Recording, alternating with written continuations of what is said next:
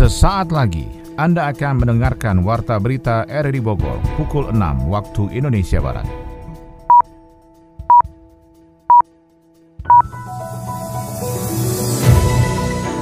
Selamat pagi, salam jumpa. Kami hadir kembali dalam Warta Berita edisi hari ini, Jumat 11 Agustus 2023. Informasi ini juga turut disiarkan melalui audio streaming lewat RRI Play dan juga disiarkan lewat Radio Tegak Beriman Kabupaten Bogor, Jawa Barat dan Anda bisa akses di Spotify RRI Bogor.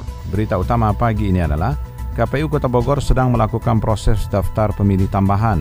Badan Penanggulangan Bencana Daerah Kabupaten Sukabumi mendata sejumlah wilayah mengalami krisis air bersih akibat musim kemarau yang disertai dengan fenomena El Nino. Sebanyak 189 botol miras jenis Ciu disita Polres Bogor Kota dalam razia peredaran minuman keras yang dijual di beberapa warung kelontong. Saya Melane Snarto, inilah Warta Berita selengkapnya.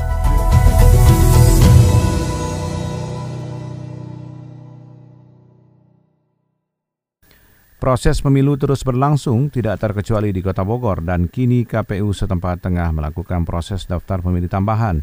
Mengenai hal itu, selengkapnya kita ikuti laporan Sony Agung Saputra.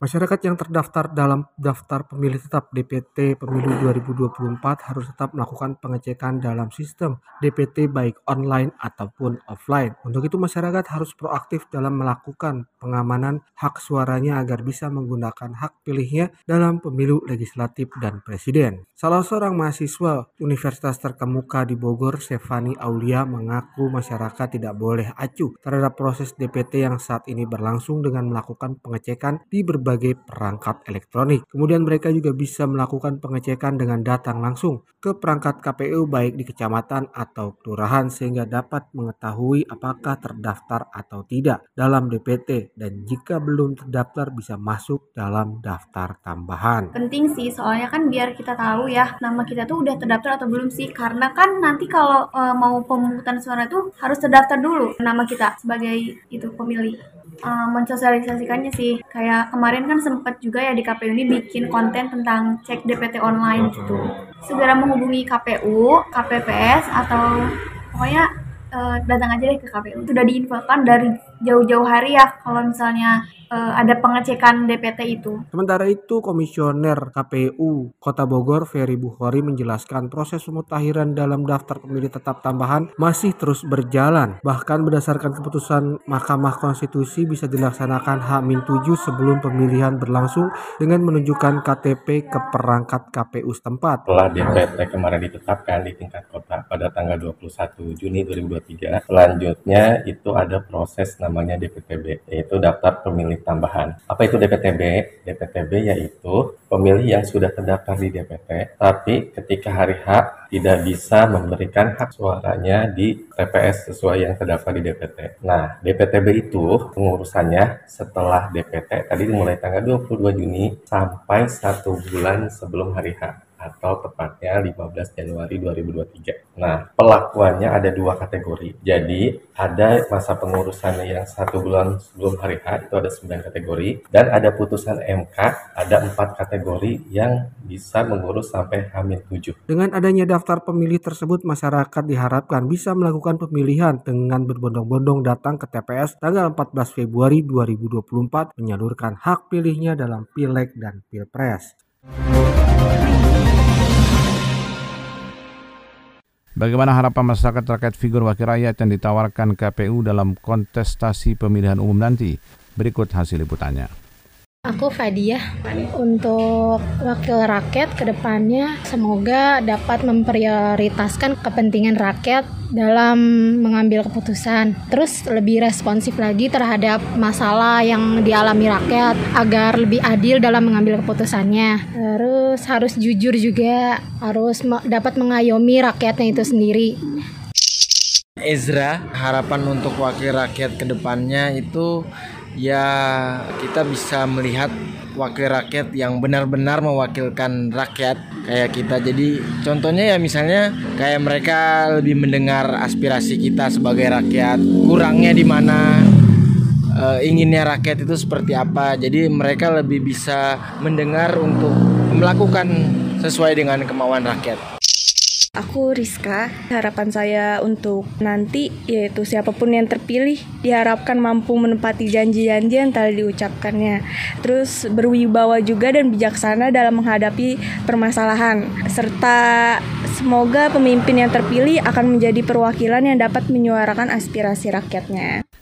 Masih terkait pemilu, KPU Kota Bogor dalam tahapan pemilunya kini tengah melakukan proses pembentukan daftar pemilih tambahan dan untuk mengetahui lebih jauh terkait hal itu, berikut kita ikuti wawancara Sony Agung Saputra bersama Ketua KPU Kota Bogor, Samsudin.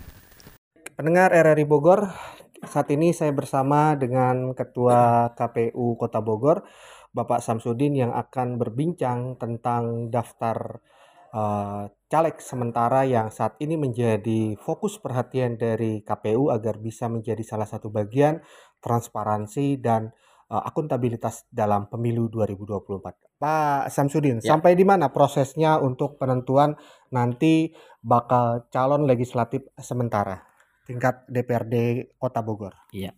Baik, terima kasih Mas Sony. Assalamualaikum warahmatullahi wabarakatuh.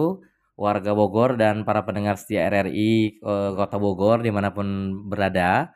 Saat ini KPU Kota Bogor tengah melaksanakan salah satu tahapan eh, pencalonan yaitu pencermatan penyusunan DCS atau daftar calon sementara. Untuk di Kota Bogor, kita eh, kemarin eh, pada saat pendaftaran telah menerima 833 bacalek dari 17 partai politik. Kemudian di masa perbaikan eh, partai politik eh, telah mencoret beberapa caleg dan terakhir ada 795 eh, bacalek. Nah, sampai tanggal 11 Agustus atau besok 2359 kami masih menerima eh, apa namanya perbaikan berkas, kemudian pergantian bacaleg, kemudian perga, eh, penyusunan nomor urut dan yang berikutnya adalah kaitan dengan perpindahan dapil untuk DPRD eh, Kota Bogor. Nah, setelah tanggal 11 untuk bacaleg-bacaleg yang sudah MS, maka akan kami susun dalam daftar calon sementara eh, mulai tanggal 12 sampai tanggal eh, 18 Agustus untuk caleg-caleg yang masih BMS, kami sekali lagi meminta kepada e, bacaleg melalui partai politik untuk segera melengkapi berkasnya sehingga berubah status dari BMS menjadi MS. Baik. Kapan akan melakukan pengumuman untuk uh, daftar caleg sementara atau DCS? Ya, sesuai dengan tahapan uh, sampai besok kami masih menerima perbaikan berkas, menerima berkas caleg pengganti dan uh, seterusnya. Kemudian kami akan melakukan penyusunan DCS mulai tanggal 12 Agustus sampai tanggal 18 Agustus. Nah, tanggal 19 sampai tanggal 23 Agustus baru kami akan melakukan pengumuman uh-huh. daftar calon sementara di media eh, cetak uh, dan elektronik nasional maupun di uh, lokal Kota Bogor. Baik. Kepada masyarakat harus mencermati apa ini dari daftar caleg uh, yang saat ini ada? Ya, uh, jadi nanti uh, akan ada masa di mana ada tanggapan masyarakat, uh-huh. uh, di mana nanti masyarakat diminta untuk mencermati uh, nama-nama caleg tersebut uh, dari mulai apa namanya uh, persyaratan-persyaratan yang uh, harus dipenuhi oleh para uh, caleg. Misalnya apakah masih ada uh, di caleg tersebut yang uh, pekerjaannya seharusnya mengundurkan diri namun belum mengundurkan diri, maka itu bisa melakukan uh, tanggapan masyarakat ke KPU Kota Bogor. Akan dilayani ya. Dan itu akan dilayani. Kemudian berikutnya apakah uh, apa uh, syarat pendidikan, kemudian syarat kesehatan, apakah masyarakat akan melakukan tanggapan itu kami persilakan untuk memberikan tanggapan dan masukannya ke KPU Kota Bogor disertai dengan bukti bukti-bukti yang uh, jelas, yang lengkap dan apa pelapor yang jelas juga identitasnya. Insya Allah pelapor tersebut akan kami lindungi identitasnya dan akan kami rahasiakan. Nah, selanjutnya apabila tanggapan-tanggapan masyarakat tersebut sudah masuk, kami akan melakukan proses verifikasi dan klarifikasi. Terakhir, himbauannya kepada masyarakat dan seluruh uh, mungkin bacalek yang akan mendaftar apa ini untuk menciptakan pemilu damai di Bogor khususnya dan umumnya Indonesia. Baik, terima kasih Bapak dan Ibu sekalian, baik uh, para uh, caleg sebagai peserta pemilu maupun para pemilih 800.181 pemilih Kota Bogor melalui kanal RRI ini kami tanpa henti terus menghimbau kepada Bapak Ibu untuk terus menyukseskan pemilu 2024 yang tinggal 189 hari lagi, Rabu 14 Februari 2024 dengan yang pertama kenali uh, caleg uh, yang akan dipilih, kenali uh, visi misi caleg dan partai politik yang akan dipilih dan nanti pada saat hari H datang ke TPS, uh, coblos sesuai dengan pilihan Bapak Ibu semua. Terima kasih. Baik, pendengar itu tadi wawancara saya dengan Ketua KPU Kota Bogor, Bapak Samsudin. Heran deh ah. Heran kenapa? Tuh, banyak banget yang bangga posting-posting barang mewah dari luar. Iya sih ya, ngapain juga pada bangga? Padahal negara kita tuh banyak loh karya-karya hebat. Maksudnya? Ya saudara-saudara kita tuh banyak yang punya talenta hebat. Iya juga sih ya. Sebenarnya kan produk kita itu nggak kalah hebat sama produk luar kan? Nah, itu betul. Tapi masa pandemi ini tuh kita prihatin banget loh. Makanya kita harusnya bantu mereka nih. Dengan cara apa? Ya bisa belanja di usaha mikro, belanja di usaha ultra mikro. Pokoknya beli-beli karya produk Indonesia lah. Nah, bener tuh. Kalau bukan kita yang peduli, siapa lagi? Tapi jangan cuma ngomong doang beneran beli. iya, iya. Bangga menggunakan produk negeri sendiri, bentuk perjuangan di saat pandemi.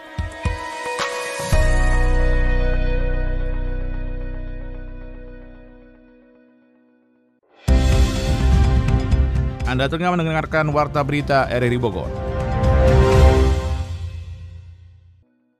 Polresta Bogor Kota menggelar razia peredaran minuman keras atau miras yang dijual di beberapa warung kelontong. Sebanyak 189 botol miras jenis ciu disita. Kapolresta Bogor Kota Komisaris Besar Polisi Bismo Teguh Prakoso dalam keterangan tertulisnya menyebutkan seratusan botol miras tersebut diamankan dari 10 warung kelontong di beberapa titik di Kota Bogor. Para pedagang menjual miras tersebut secara ilegal, warung-warung kelontong yang disasar petugas di antaranya – lima warung kelontong di Jalan Kiai Haji Abdullah bin Nuh, Kecamatan Bogor Barat, tiga warung kelontong di Bogor Selatan, serta dua warung kelontong di Bogor Tengah dan Tanah Sareal Kota Bogor.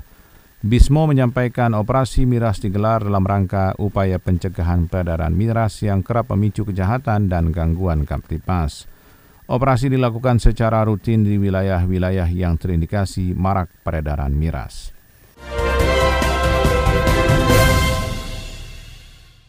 Berita ekonomi kali ini soal Presiden Jokowi mengklaim negara rugi hampir 100 triliun rupiah setiap tahun akibat kemacetan di Jabodetabek dan Bandung. Pemerintah berencana menghapus kredit macet UMKM di Himpunan Bank milik negara Himbara atau bank-bank berplat merah. Kita ikuti laporan Adi Fajar Nugraha. Presiden Joko Widodo mengklaim negara rugi hampir 100 triliun rupiah setiap tahun akibat kemacetan di Jabodetabek dan Bandung. Untuk itu Jokowi mendorong agar masyarakat beralih dari menggunakan kendaraan pribadi ke transportasi umum. Adapun transportasi umum yang ia maksud mulai dari KRL, LRT, MRT hingga kereta cepat Jakarta-Bandung.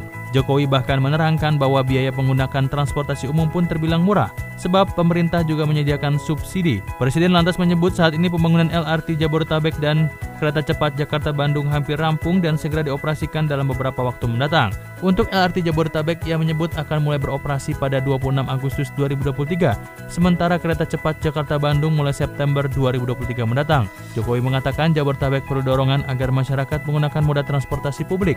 Ia mengatakan wilayah ini telah menghadapi tantangan dan polusi udara, ia berharap LRT Jabodetabek pun dapat mengurangi kendaraan pribadi. Dengan begitu kemacetan dan pencemaran udara bisa dikurangi. Pemerintah melakukan peluncuran LRT Jabodetabek pada 12 Juli 2023 lalu.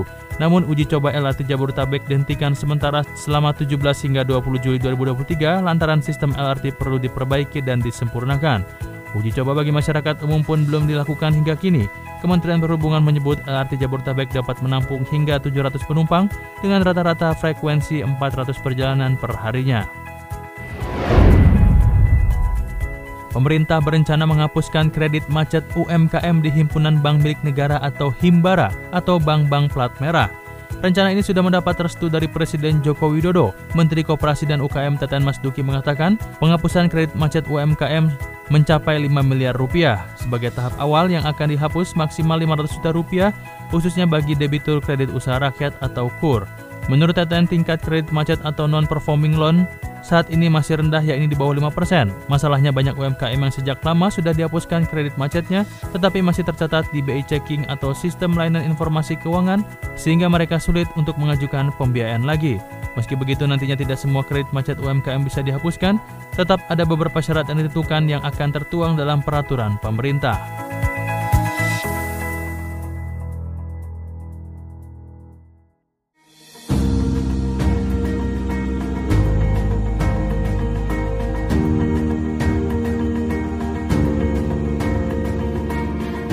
Anda, Indonesia merupakan salah satu produsen kopi terbesar di dunia dengan produksi mencapai 639 ribu ton pada tahun 2016. Beberapa jenis kopi Nusantara bahkan dikenal oleh penikmat kopi di seluruh dunia, seperti kopi Toraja, kopi Lampung, kopi Mandailing, maupun kopi Aceh. Bahkan kopi luwak yang merupakan kopi hasil fermentasi dari binatang luwak atau musang sangat terkenal kenikmatannya sehingga harganya sangat mahal. Bahkan bisa mencapai jutaan rupiah per kilogram. Amerika Serikat masih menjadi negara tujuan ekspor kopi Indonesia terbesar. Data Badan Pusat Statistik BPS mencatat bahwa ekspor kopi Indonesia ke negeri Paman Sam pada 2016 seberat 67.309,2 ton, naik 2,79 persen dari tahun sebelumnya. Jumlah tersebut merupakan yang terbesar dibandingkan dengan ekspor ke negara lainnya. Adapun nilainya mencapai 269,9 juta US dollar atau sekitar 3,5 triliun rupiah. Sementara total ekspor kopi Indonesia mencapai 412 ribu ton dengan nilai 1 miliar US dollar. Jadi bangga kan dengan buatan Indonesia?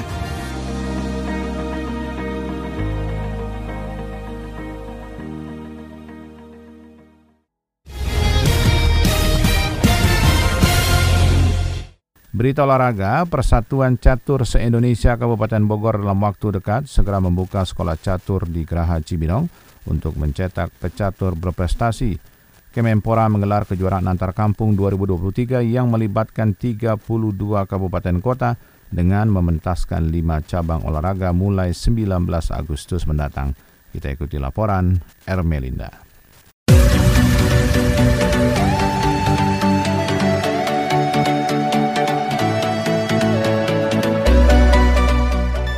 Terus dapat meregenerasi para pecatur prioritas prestasi, Persatuan Catur seluruh Indonesia Percasi Kabupaten Bogor terus berupaya membuat progres-progres andalan salah satunya melalui sekolah catur yang bakal dibuka dalam waktu dekat ini di Geraha Cibinong.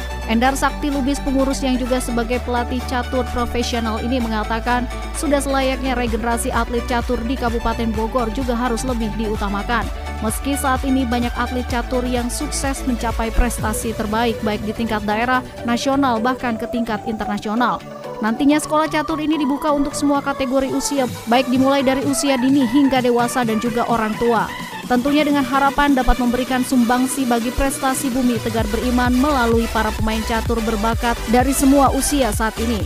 Saat ini kebetulan saya baik secara pribadi maupun melalui Pengca Percasi Kabupaten Bogor terus mencari bibit atlet usia dini uh, agar regenerasi pecatur di Kabupaten Bogor tetap berjalan.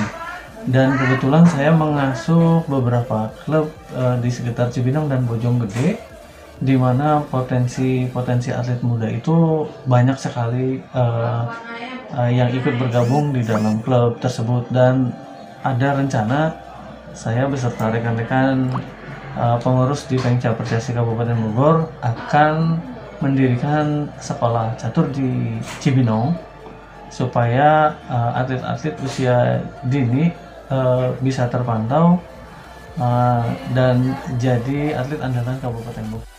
Sementara itu, Ketua Percasi Kabupaten Bogor Ajat Rohmat Jatnika menyampaikan harapannya agar bisa mencetak atlet-atlet terbaik berprestasi untuk menjadi juara Kabupaten Bogor. Tidak hanya itu saja, Ajat Rohmat juga berharap catur bisa mendukung wisata di Kabupaten Bogor. Percasi bisa terus memperkenalkan catur kepada masyarakat mulai dari tingkat kabupaten, kecamatan hingga desa karena saat ini potensi catur cukup besar dalam mendukung peningkatan prestasi di Kabupaten Bogor. Salah satunya sudah ada kelompok atau cabang-cabang catur catur di sejumlah desa dan kecamatan. Saya ingin membawa kemasyarakatan catur dan mencaturkan masyarakat sebenarnya.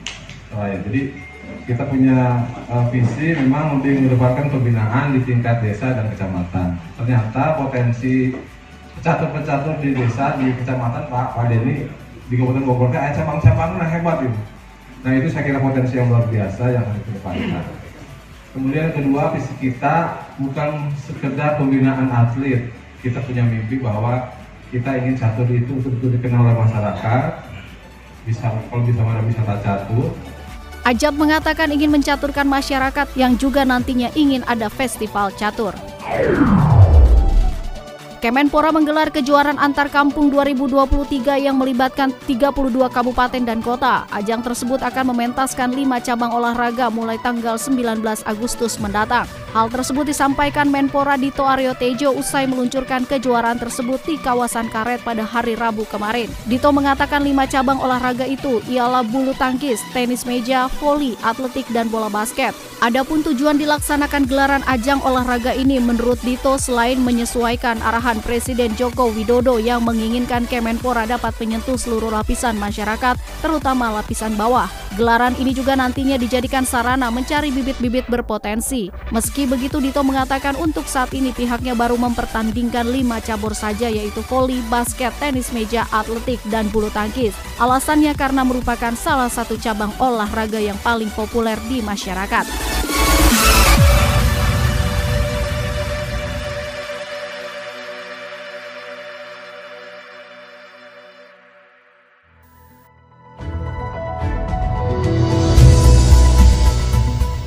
Demikian rangkaian informasi yang kami hadirkan di Warta Berita RRI Bogor pagi ini. Sebelum berpisah, kami kembali sampaikan berita utama.